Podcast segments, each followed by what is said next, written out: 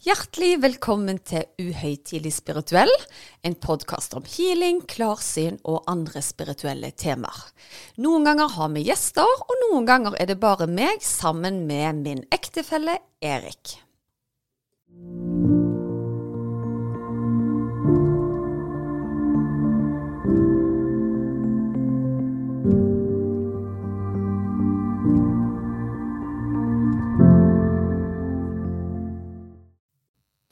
Ja vel, Susanne. Da var vi på gang igjen. Endelig ny episode. Og jeg syns jo det er veldig kjekt når vi får snakke med så mange spennende gjester. Og i dag har jeg gleda meg litt ekstra, altså. Ja, For i dag får vi besøk av en virkelig, virkelig eh, festlig person. Ja, Gro Helen Tørum, kjent for både Åndenes makt og Kanalen 5. Hun har skrevet mange spennende bøker. Og jeg syns det er ei dame som har så mye å tilby på mange arenaer, da. Mm. Og jeg syns hun virker både klok, og hun har mye erfaring.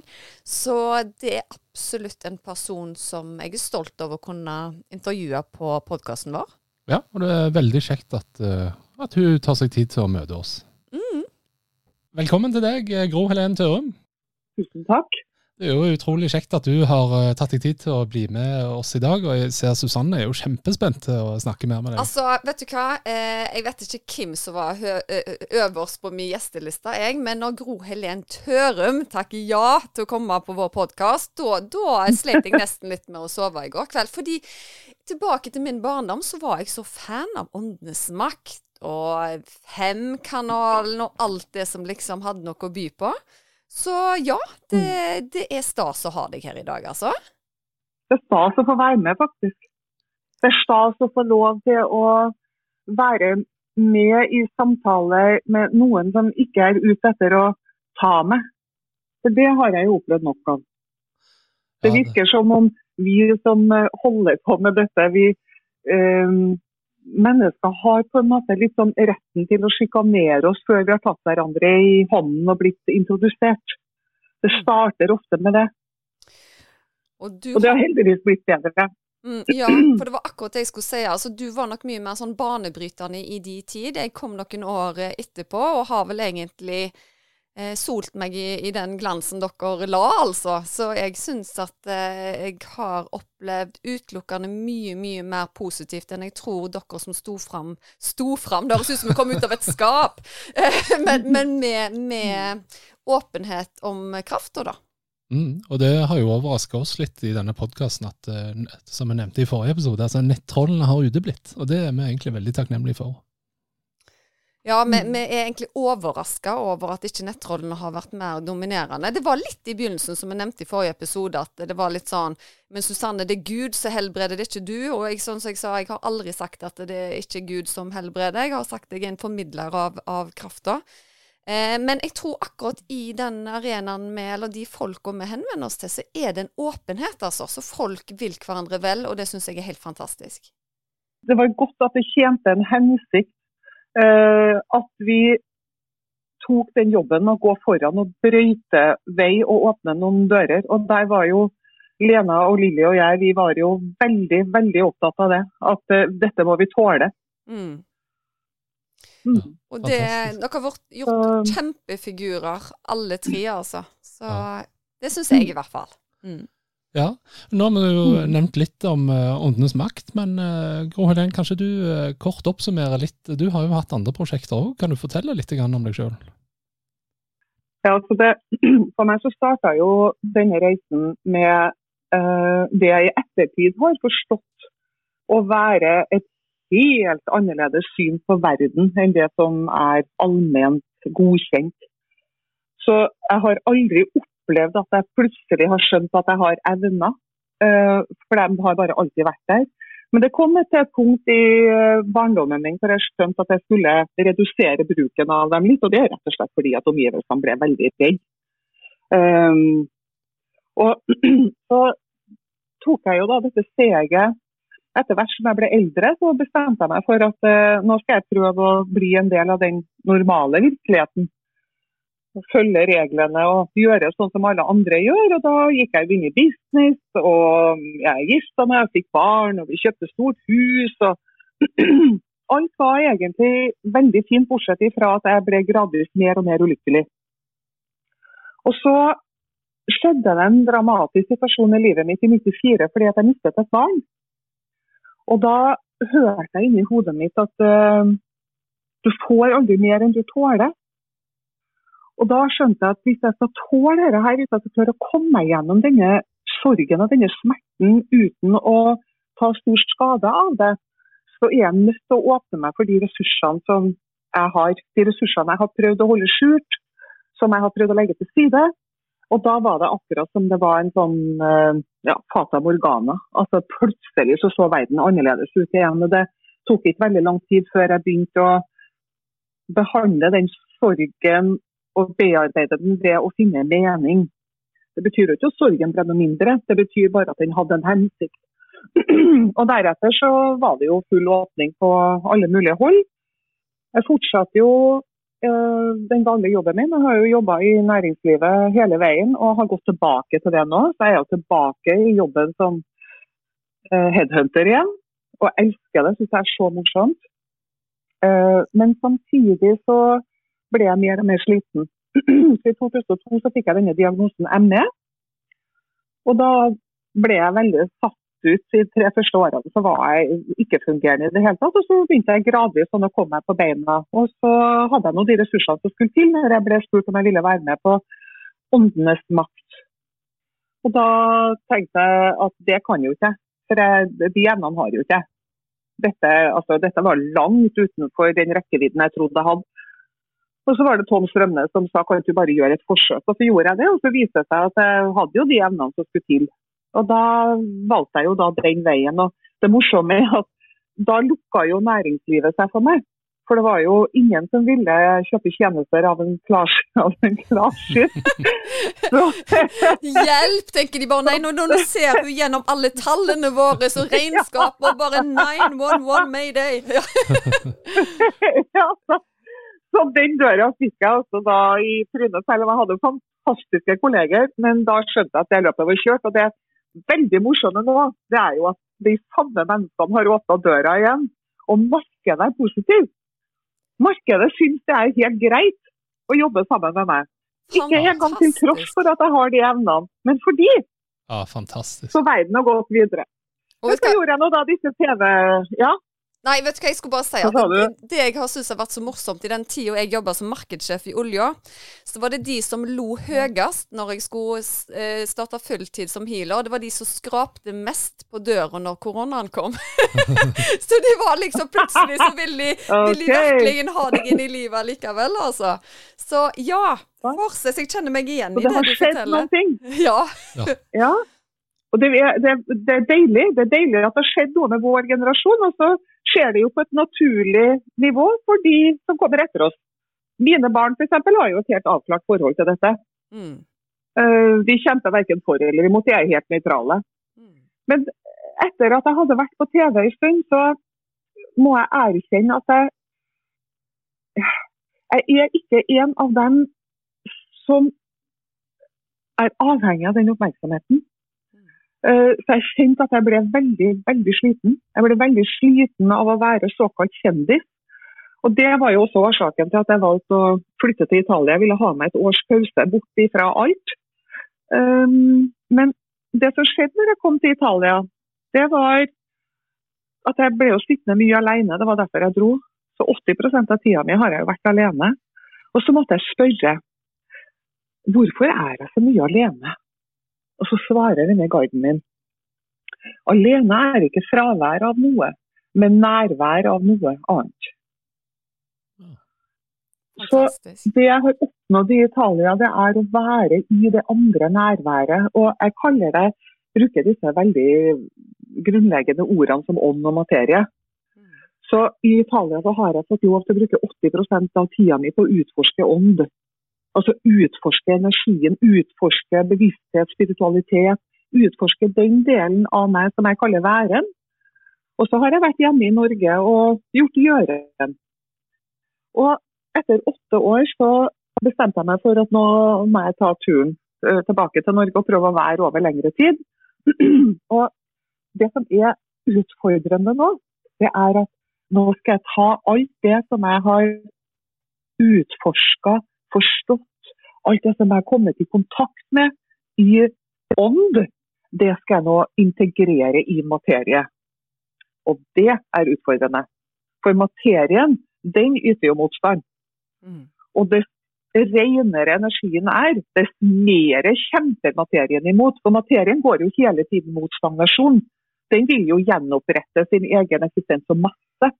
Så det er jo kun vår ånd, altså vår energi, som holder liv i disse eh, eh, delene, altså atomene og molekylene og alt det vi kaller biologi og kjemi. Det som holder bevegelsen oppe og som gjør jorda levende, det er jo vår energi. Uten energi så er dette en klump av masse. Størkna masse. Og da kjenner jo jeg veldig godt på kroppen min at når jeg driver og tar dette åndelige aspektet mitt inn i materien som en høyere vibrasjon da, enn det som er i takt med den kollektive bevisstheten, så blir kroppen syk. Ja. Så det er jo hele tida en balansegang her imellom å skulle være å gjøre, og skulle være for å være. Og det er utfordrende for oss som ja, velger å kalle oss litt sånn spirituelle mennesker, Mm. tror jeg. Det Jeg er, tror at kroppen er veldig, veldig utsatt. det, det er jeg helt enig i. Og så pleier jeg alltid å si at det er jo aldri han der en kjempesure, grinete naboen som, Mm. som blir syk. Det er som regel han fantastisk kjekke. Han med et hjerte av gull. Mm. Hvorfor skjedde det med han? sant? Ja. Og vi er nok Mm, mer mm. åpne og mottagelige for alt, vil jeg si. Både på godt og vondt. Ja, sensitivitet er jo sanselighet. og. Dess, mer, dess, dess større, høyere vibrasjon vi har i sansene våre, dess mer informasjon henter vi inn, og dess renere informasjon kan vi sende ut. Og så er det jo sånn at øhm, jeg er veldig reservert i forhold til å bruke dette ordet sjaman. Men det var den eneste beskrivelsen jeg fikk tilgang til å bruke den gangen jeg oppdaget deler av meg sjøl i 2003. Det, det som skjedde var rett og slett at jeg kom under vingene til tre sjamaner på et merkelig vis så dukka de opp i livet mitt. Og så var det tre år med intenst arbeid, 24 timer i døgnet. Og konsekvensen av å ha denne funksjonen, det er at veldig, veldig store deler av mitt liv handler om å jobbe for en høyere sannhet. Så jeg har veldig lite til overs som jeg kan bruke på mine egoistiske behov. Så mine personlige behov er alltid underlagt et høyere mandat. Og det syns jeg har vært krevende. For det har vært en eksepsjonelt krevende reise. Mm. Som har gjort meg sterk, men som også har gjort meg forferdelig sliten. Men det å hele tiden være til stede for å løfte den kollektive bevisstheten, for hele tida å tilby sine tjenester for en, for en høyere sannhet, da, om jeg kan si det sånn, det er krevende. Og nesten alt det som jeg gjør i kraft av å være sjaman, er jo ting ingen vet om. Det er jo ting jeg aldri snakker om. Men det er jo ting som pågår hele tiden, døgnkontinuerlig. Og så prøver jeg å ta mest mulig av det som er til overs, skal jeg si, og så fokusere på hvordan jeg kan ha det godt uh, i mitt liv. Og etter en del år i, i, denne, i, i arbeids, altså denne arbeidsmetoden her, så kjenner jeg jo at nå begynner jo fellesskapets beste å dekke mitt behov. Men det har tatt mange mange år. Det har vært en konflikt veldig veldig ofte. Jeg måtte ha valgt meg sjøl bort veldig veldig mange ganger til fordel for noe større. Men nå kjenner jeg at nå, nå begynner jeg å bli en del av den størrelsen. Og Det handler jo om hva jeg er i stand til å romme i meg sjøl også. Jeg opererer jo med krefter som er langt utenfor det jeg trodde at jeg var i stand til å mestre. da. Eh, opplever du òg noe som jeg sjøl har erfart, og at de gangene jeg gjerne har vært lang, lengst nede med gjerne fysiske utfordringer på kroppen sjøl, så har jeg fått en vanvittig oppgradering etterpå spirituelt sett? Kjenner du deg igjen i det? At når du på en måte blir lagt i brakk en periode, så kommer det som regel noe godt ut av det likevel? Altså, jeg har et sånt mantra som jeg har brukt i alle disse årene med sykdom, at eh, det er aldri så mørkt som i timen før sola står opp. Mm. Og det betyr at akkurat når det er ordentlig, ordentlig, ordentlig vanskelig, så vet jeg at det kommer til å lysne. Mm. Og det har jeg aldri tvilt på. Veldig spennende, altså. Ja. ja, Du nevnte jo litt dette her med Ja. at du flytta til Italia og, og måtte være litt alene. Men eh, nå hadde du liksom bana litt vei i, i Norge da, gjennom eh, TV-opptredener og sånne ting. Oppdagte du noe i Italia at de hadde eh, ikke nødvendigvis vært på den reisen, eller hadde de en annen tilnærming til eh, personer med evner sånn som deg? Eh, det, det kan ikke jeg svare på. Det er fordi at jeg har eh, vært veldig anonym. Så herlig! Eh, Så så- herlig for deg! Ja. Mm. Så det, jeg tror, altså hvis, vi, hvis vi undersøker litt, så vil vi nok se at italienerne har eh, mye eh, som er basert på dette med eh, spiritualitet. Altså, det er jo ikke langt fra der jeg bor opp til Darbanhur f.eks. Darbanhur, ja. Eh, de har mange programmer på TV. Jeg har faktisk blitt spurt om å gjøre et program på TV som klarsynt, for de mener at de som er klarsynte på TV i, i Italia, egentlig bare er fake. Nei, Er det sant? Så gøy! Mm. Men, eh, men for, for- meg er det helt uinteressant. Altså, italienerne er 65 millioner mennesker. Jeg syns det var eh, mye å være gjenkjent i et land med 5 millioner, så for meg er det uaktuelt. Jeg er ikke ute etter det. Eh, Men jeg tror at italienerne har vel så stor tillit til det spirituelle som det vi har. Hvis du bare ser på dette med vaksine og sånn så, så ser du jo at uh, motstanden er stor. ja. Mm. Stemmer. Så jeg tror det er et spirituelt land. Absolutt. Ja. Mm. Hvis vi går litt nærmere inn på dette her med Du, du hadde jo en knagg du hang det på med dette med sjaman, og at du hadde vært i, Mm. gjerne i, eh, i lære hos noen. Kan du utdype litt mer? liksom, Hva, hva er sjamanisme, og hva, hva vil det si å være sjaman? Jeg tenker jeg kan ikke si noe om hva det er å være sjaman, jeg kan, men jeg kan si noe om hvordan jeg opplever det. Ja. Um, og For meg er det veldig todelt. Det ene er det at jeg innehar uh, en rolle som uh, overstyrer det å være menneske. Det betyr at sjamanen i meg har andre hensikter enn det Gro Ellen Tørum har. Mm. For Jeg er opptatt av å få dagliglivet mitt til å gå i hop. Jeg er opptatt av det ene og det andre og de her små detaljene. Sjamanen i meg er ikke det. Og det har vært en utfordring. Og så Den andre delen av dette er at det å være sjaman medfører at du har tilgang til informasjon som går mellom dimensjonene. Og For meg har det vært utfordrende å ha all den innsikten. Fordi jeg klarer ikke å nyttiggjøre meg den.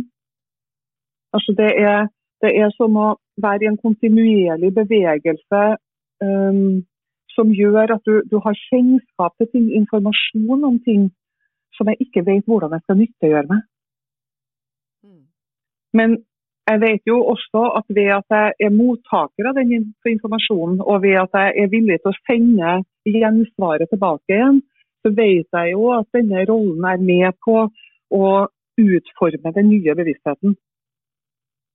Så jeg opplever at det er en kanal som går begge veier. Jeg opplever at jeg, det jeg opplever skal jeg informere tilbake om, og så opplever jeg at jeg får oppgaver som jeg skal løse for å opprettholde da, den her informasjonsflyten da, mellom dimensjonene. Det er min opplevelse. Og så innebærer det jo selvfølgelig at du har tilgang til en kraft. Eh, og så er det en stor øvelse. Eh, For det første det er å anerkjenne at man har den kraften, men også en øvelse å stille den til disposisjon. Og for meg er det å være sjaman og stå til tjeneste. Mm. Ja. Jeg synes det var veldig viktig det du nevnte der med liksom skillet mellom Gro Helen som person og Gro Helen som sjaman. For det har jo vi òg snakket litt om, at Susanne òg må jo gjerne jo kanskje være healer på heltid, for da brenner du på en måte tauet i Mm. begge ender. da. Mm. Mm. Jeg omtaler meg av og til som healer-Susanne og vanlig Susanne. Ja. Så, eh, og jeg kjenner meg veldig igjen i det at eh, healer-Susanne i samarbeid med Aurora, som har snakket om mye på podkasten, det er min guide, som er en litt annen dimensjon. Hun vil jo veldig mye hele Mm. tida. Og ego har på en Ja. måte nye, nye ting å fordype meg i hver eneste uke, føler jeg. Og så gjelder det å prøve å holde litt igjen, sånn at vi har rom for Sånn som du sier, daglige aktiviteter for ungene på trening, på skole, den biten i tillegg, altså. Ja.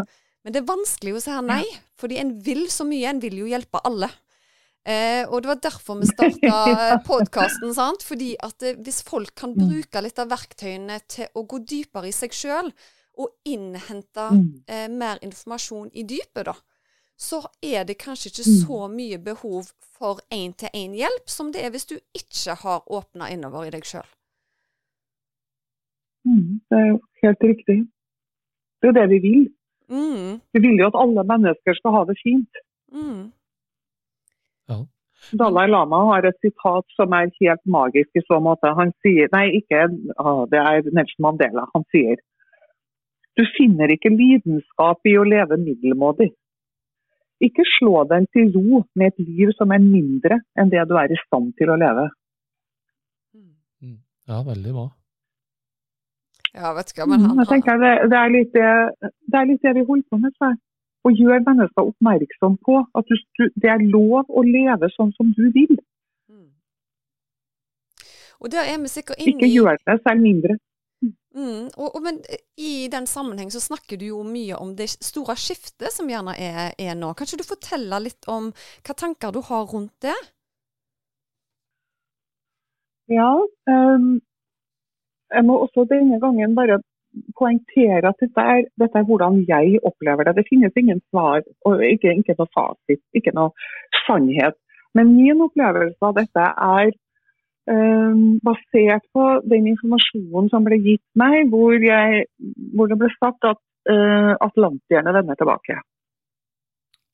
Og min forståelse av det er at uh, den gangen jorda for første gang ble aktivert, Lemuria skråstrek eh, Atlantis, så var det som om denne kilden, altså kaller det dette, det som eh, både Platon og Aristoteles kaller det fifth element, altså elementet eter, som er liksom energikilden. Den øh, åpner seg slik at energi blir tilført denne klumpen med masse som var vår jord. Så sendes det ut energier fra denne kilden, som da skal manifestere denne energien på jorda. Og Så pågår jo dette arbeidet over lengre tid. og Den gangen så, så vi ut, ut som vanlige mennesker, men vi var altså skapninger, altså entiteter av lys. Og så har vi gått gjennom det som mine guider kaller det første sekel i jordas historie. Og Så skal vi over i det andre sekel, og det kaller mine guider for perioden for mørkets herrer. Og Det betyr at det vi, det vi gjør da, det er at nå overlates energien til de materielle kreftene. Og De materielle kreftene som skal skape form, bygge kultur her på jorda, det er det maskuline prinsippet. Det er alltid det maskuline som skaper form. Så kan vi si at atlantierne kanskje var et feminint aspekt. da. Kall det det. Ja. Og da trekker disse energiene seg tilbake, og så starter den biologiske utviklingen av denne planeten. Altså ifra at det, blir en, et lite utgangspunkt som sprer seg og som vokser og eh, blir til det vi kjenner som vår kultur i dag. Og Da sies det nå at nå skal vi inn i det tredje sekel. Slik at denne tida som de kaller altså det sekel for mørkets herrer, som er representert gjennom arroganse og grådighet, det skal nå trekke seg tilbake og erstattes av en helt annen energi som går mye mer i retning av lys og omsorg, velvilje og i all hovedsak egenkjærlighet. Mm. Og disse energiene som pågår nå, jeg ber jo alltid om enkle forklaringer, og da blir jeg fortalt at den gamle energiens essens det er å holde tilbake. Den nye energiens essens er ekspansjon. Og dette vil lede til at mennesket vil få et større grad av individualitet, som deretter vil lede til en helt ny form for samhandling.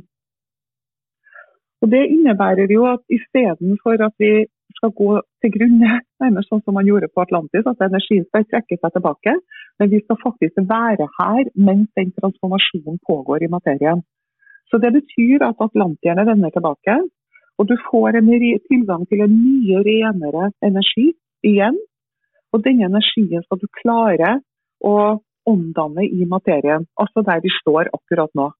Og Det er veldig veldig krevende, men det finnes også en samarbeidsavtale mellom disse individene og moder jord. Og denne kilden eller eter som vi da kommer ifra. Så dette er på en måte et prosjekt som vi er en del av. Og Moder Jord skal jo nå trekke seg tilbake. Moder Jord har jo da vært den balanserende kraften, altså det feminine aspektet som har balansert det maskuline aspektet som har skapt form her på jorda.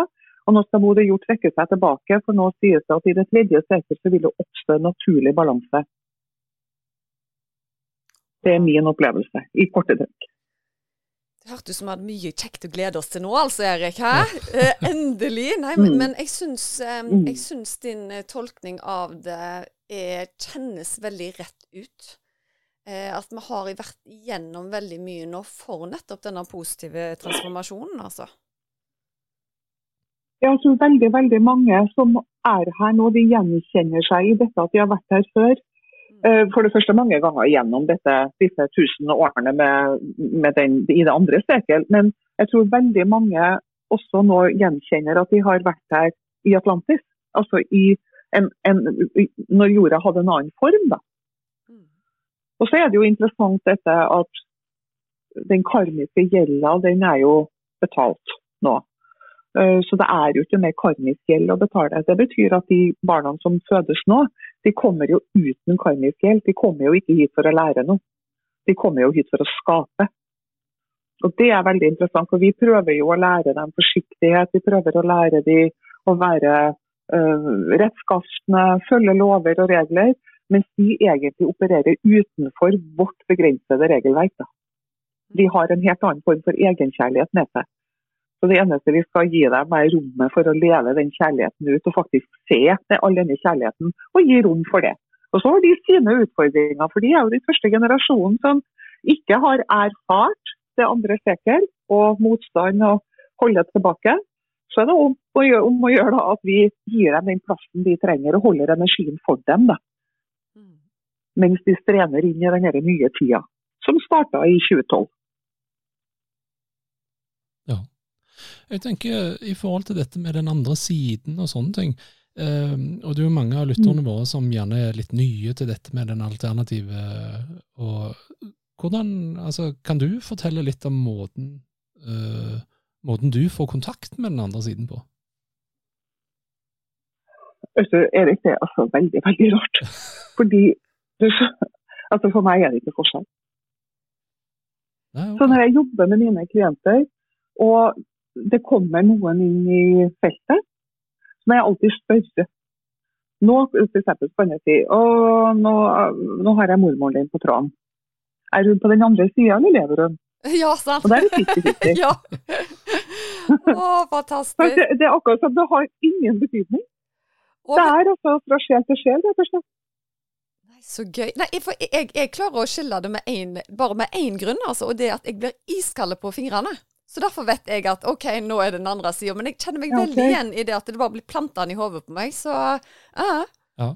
Jeg syns jo det er veldig fascinerende. Og, og, nå hadde jo jeg det kjempespørsmålet her, og, men det, at det ikke var noen forskjell, den var jeg ikke forberedt på.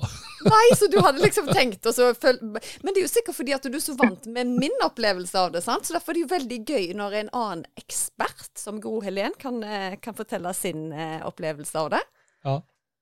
Men det har utvikla seg, altså. Det har utvikla seg veldig. Mm. Eh, fordi Tidligere så hadde jeg en form for skille på det. Før så kunne jeg uh, registrere mye mye tydeligere hvem som var hvor. Men det er, helt, og det, det har bare vært en glidende overgang. Men det er på samme måte som hvis du hadde bedt meg om å gjøre åndenes makt i dag, så er jeg ikke sikker på om jeg kunne gjort en god jobb. Skal vi se hva jeg tror? Fordi Du hadde gjort en strålende jobb. det tror jeg du hadde gjort. Okay. ja, jeg er overbevist om ja. det, altså. Fordi jeg, jeg, tror bare det at du, selv om du opplever at ting er mye mer glidende nå, så hadde du fort gått inn i det modus igjen, Grolen. Det er jeg overbevist om. Men nå skal ikke jeg ta den ifra deg, altså. Det er bare det at jeg eh, Det har jeg tro på. Mm. Ja. Jeg har akkurat bodd i Trondheim vet du, i noen måneder. Jeg har jo en virksomhet der òg. Um, og da snakker jeg med en venninne som, uh, som, er usedvanlig dyktig på alt dette som har med det vi kaller husrent og sånn å gjøre. Så hun har alltid gjort det på mine vegne. Alltid sendt folk videre til henne. For hun har så gode rutiner på det. Og så ringer jeg og så sier hun Gråle, hvor, hvor er du nå? Nei, nå er jeg i Trondheim. Og i herrens navn, er det en, er det en kirke i nærheten? sier hun. Ja. ja, ja, ser jeg både den katolske og den jødiske, og ikke minst Nidarosdomen.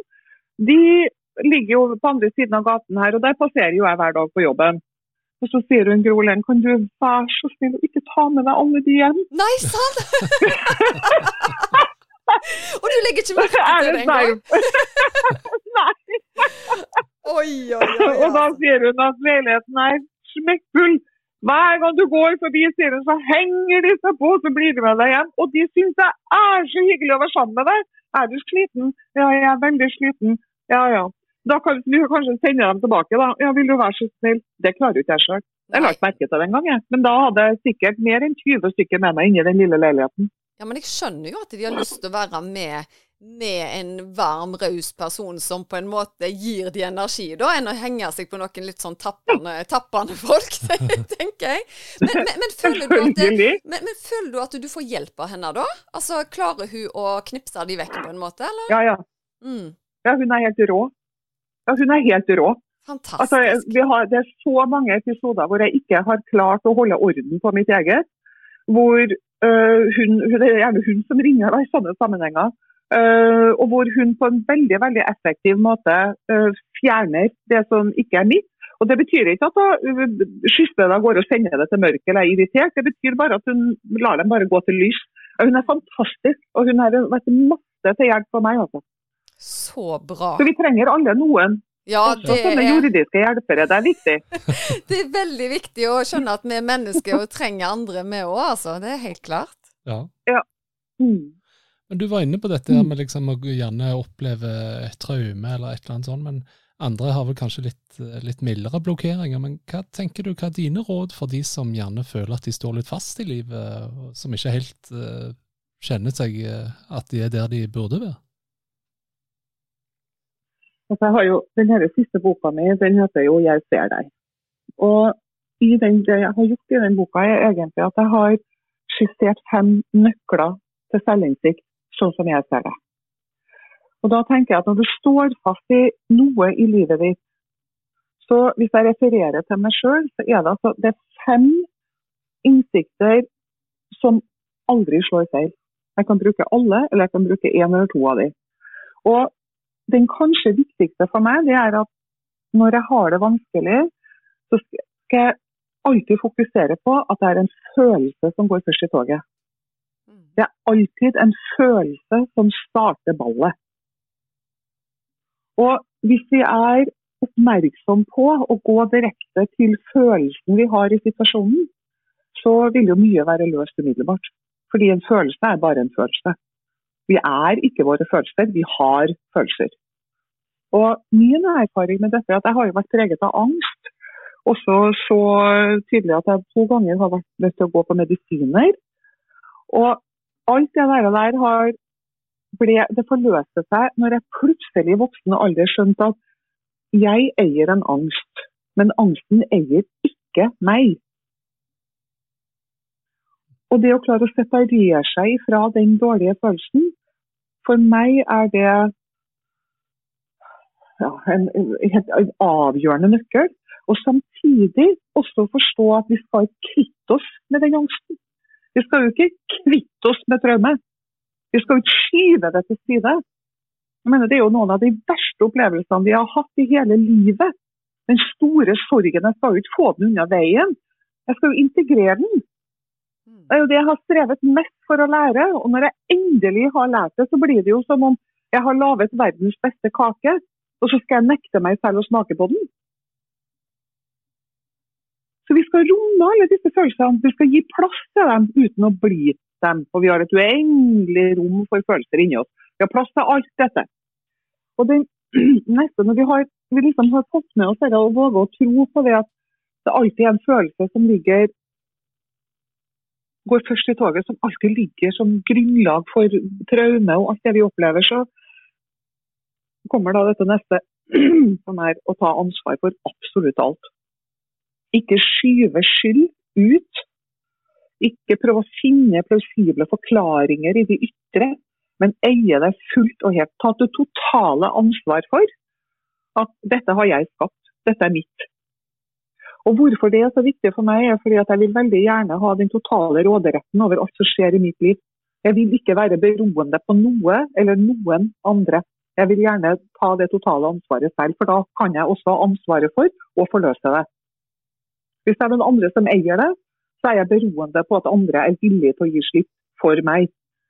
Hvis jeg eier det selv, så kan jeg sjøl slippe det til, romme det, legge det til side osv. Og, og da er det neste det er jo da det å som naturlig følge rett og ikke ta noen ting personlig. Er, og den er utfordrende. Jeg skulle akkurat si at Det tror jeg vi har veldig mye å lære. Altså. Og så er vi så dyktige alle sånn. Du, det er 100 personer i det rommet der.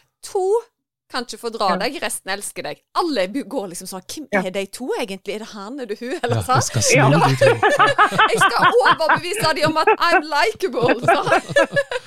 så ja, vet du hva, det tror jeg alle altså, kan kjenne seg igjen i, altså. Mm. Ja. Den, men den er utfordrende. Den er veldig utfordrende. For du, samtidig så skal du ta ansvar. Mm. Og så skal du ikke ta ting personlig. Så det handler jo om det som, som jeg har Jeg har jo studert litt, og da har har jo jeg skjønt at det viktigste jeg kan gjøre for både meg sjøl og for andre, det er å hjelpe deg med den separasjonen. Mm. Separere deg fra følelsen, separere deg fra mennesket og situasjonen, sånn at du faktisk ser hva som faktisk foregår. Fordi når du er uh, infiltrert, så ser du ikke klart. Så jeg opplever at min rolle som uh, bisitter veldig ofte er å si at OK, hei, hei, hei, nå separerer vi oss fra den følelsen. Dette er deg, og dette er følelsen.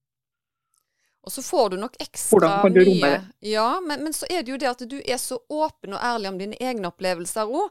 At livet er ikke en dans på roser, selv ja. om du har tilgang til krafta utover det vanlige, da. Så er du bare et menneske, og livet det skjer. Og jeg tror det må folk være veldig klar over, at uansett hva tilgang vi har til utømmelig kraft, så betyr ikke det at alt alltid skal være like enkelt, da? Nei, og da tenker jeg at en av de tingene som i hvert fall har gitt meg styrke, det er det som jeg kaller da, det her, det, den fjerde nøkkelen. Og det er å sette egne grenser. Mm. Og det tror jeg er, altså, det er helt avgjørende for å kunne leve et uh, godt liv. Fordi når du setter dine egne grenser, så kan ingenting begrense deg. For da har du laga ditt eget rammeverk og du har laga din egen trygge sone, for det er det jo ingen tvil om at alle mennesker er her på jorda med et dypt og inderlig ønske om å føle seg trygge. Og Da skal vi lage det rammeverket rundt oss sjøl, sånn at vi klarer å oppnå den graden av trygghet som vi er i stand til, i forhold til hvilke følelser vi har, erfaringer vi har og situasjoner som vi lever i. Men å sette egne grenser, det er helt livsnødvendig. Jeg tror det er en av de viktigste tingene vi bringer videre til den neste generasjonen det er deres evne til å sette egne grenser. Mm. Og Hvis ikke vi gjør det, så er det store spørsmålet hvem skal de lære av da? Akkurat, for du opplever veldig mange foreldre blant annet, som sier bare ja, ja, ja, ja, ja til ungene. Og hvordan skal de da lære å være selvstendige individer når de blir voksne og ta vare på seg sjøl, hvis de aldri har opplevd mm. det med familien rundt seg, da? Mm. Jeg tror det er, det er, det vi alle sammen ønsker oss. Vi ønsker oss å kjenne følelsen av at vi står trygt på egne bein. Mm. Og Det gjør igjen at den femte nøkkelen, som jeg kaller um, the power of intention, altså kraften i en intensjon, som er for meg den kunne godt ha vært den første. For det er det det handler om. Altså Det å virkelig eie det du vil.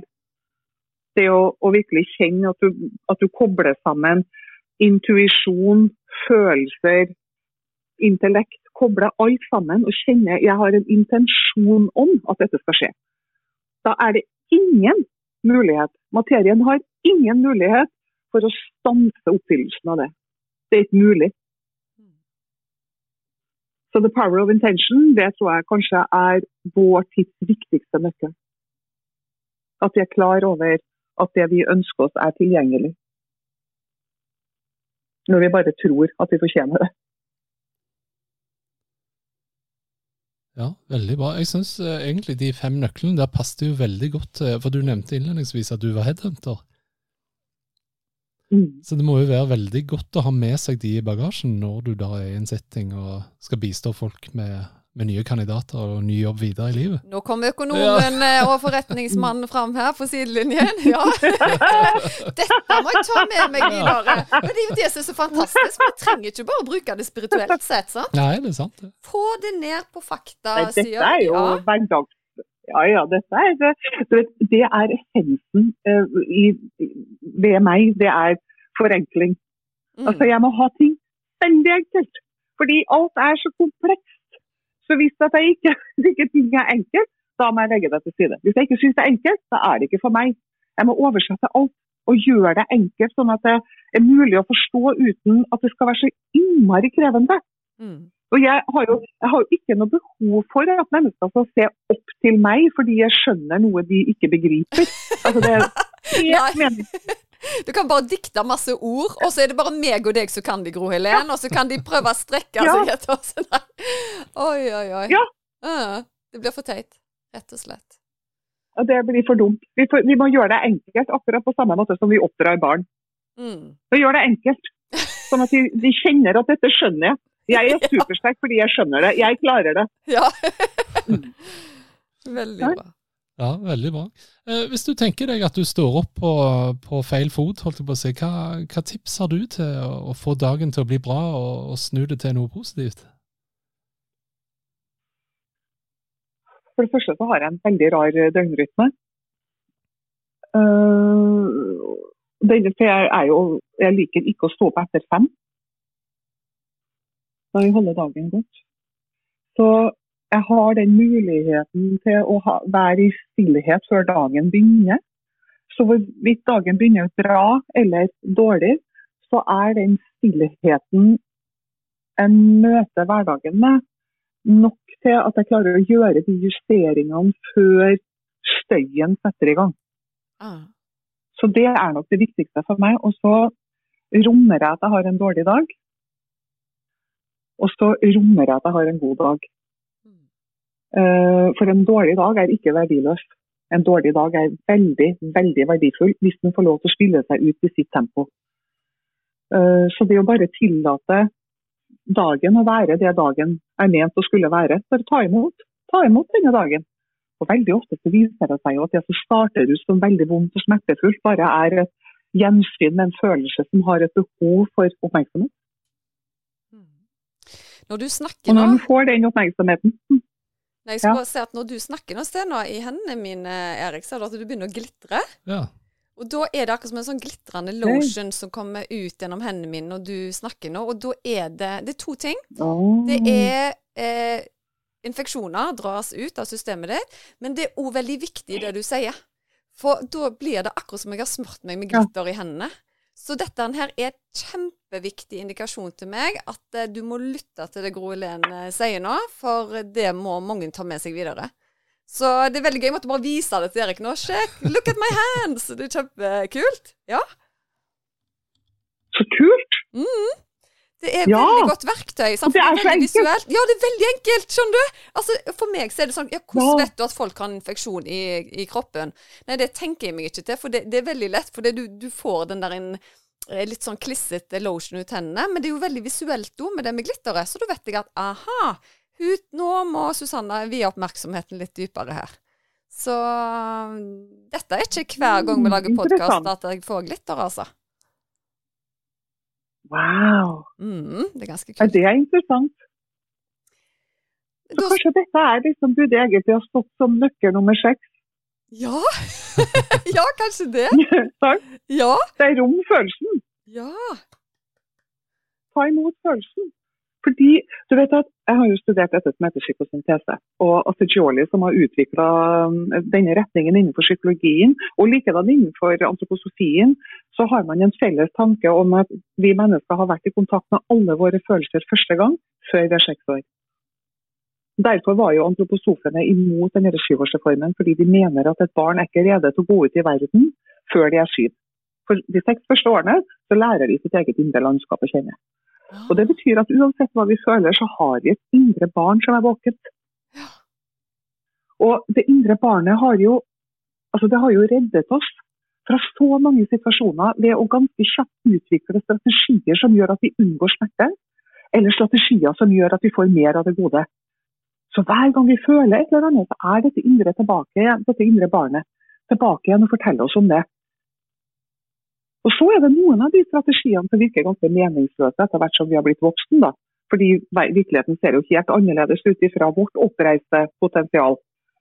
Vi ser jo verden på en helt annen måte enn det det lille barnet gjorde. Og Da er det om å gjøre for oss da, å trøste dette indre barnet, gi det trygghet for at ok, denne strategien har vært kjempefin, men nå skal vi prøve å gjøre det på en annen måte, du og jeg. Jeg skal støtte deg. Jeg gir deg den tryggheten som gjør at du kan komme ut fra den hula du har bygget under spisebordet. Fordi dette rommet, det tåler vi sammen. Og snart så tåler vi verden sammen. Så vi bare kjenner etter at det indre barnet får lov til å være med på reisa vår.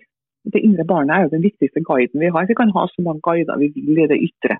Men det indre barnet det vet alltid både hvor vi skal, og det vet alltid hvordan eh, hjertet vårt har det.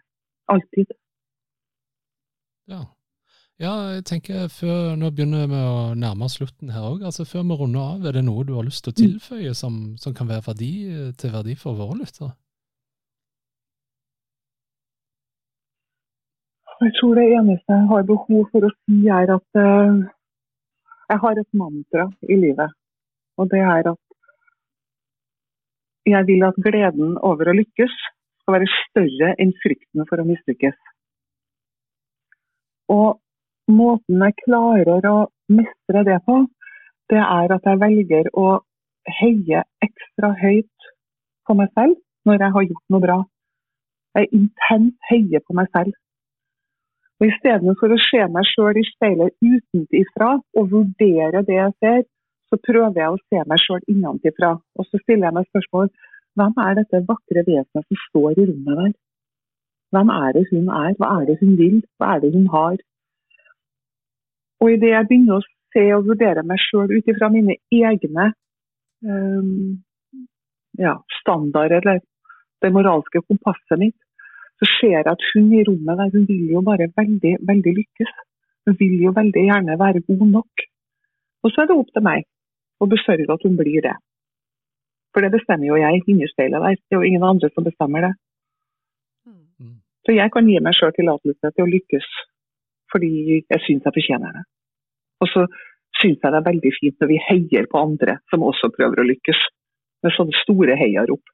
Dette er de som strever litt ekstra. Rop litt ekstra i svingen. Mm. Heia, heia, heia, heia! Det går bra! Dette går bra! Kom igjen, dette går bra! Helt enig, altså.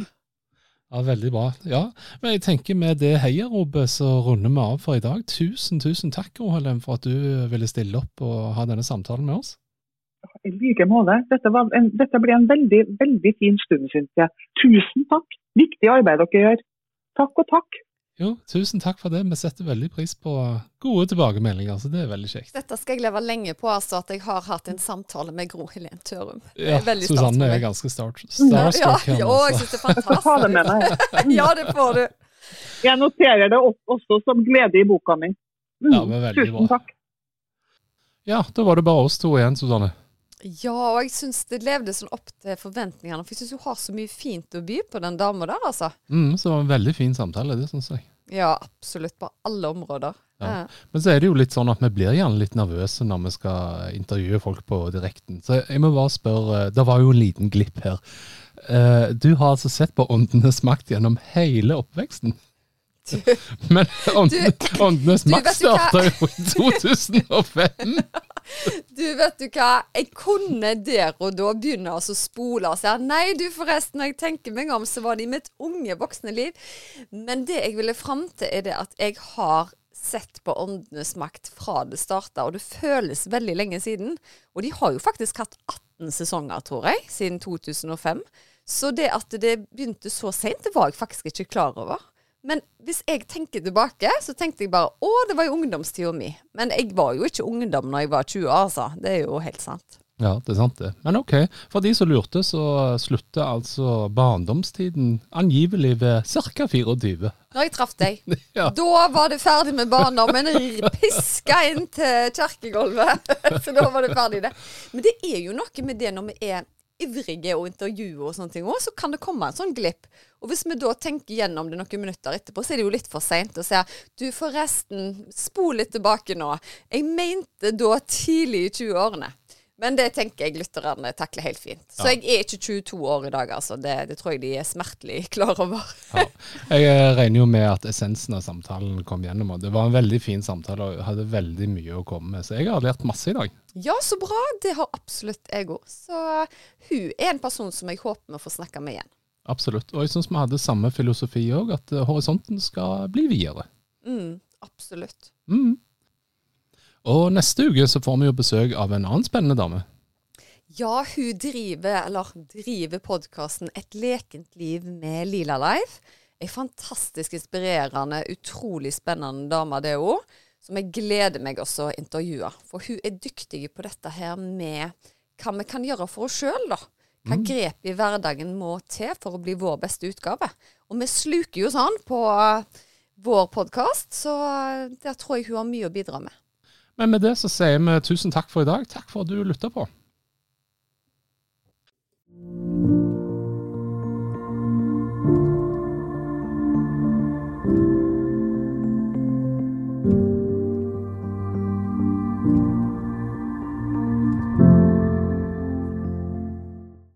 Visste du at du kunne ta kontakt med meg hvis du ønsker å få satt opp en personlig healingplan? Da er det bare å kontakte meg via Instagram eller på e-post, så gjør jeg det helt kostnadsfritt.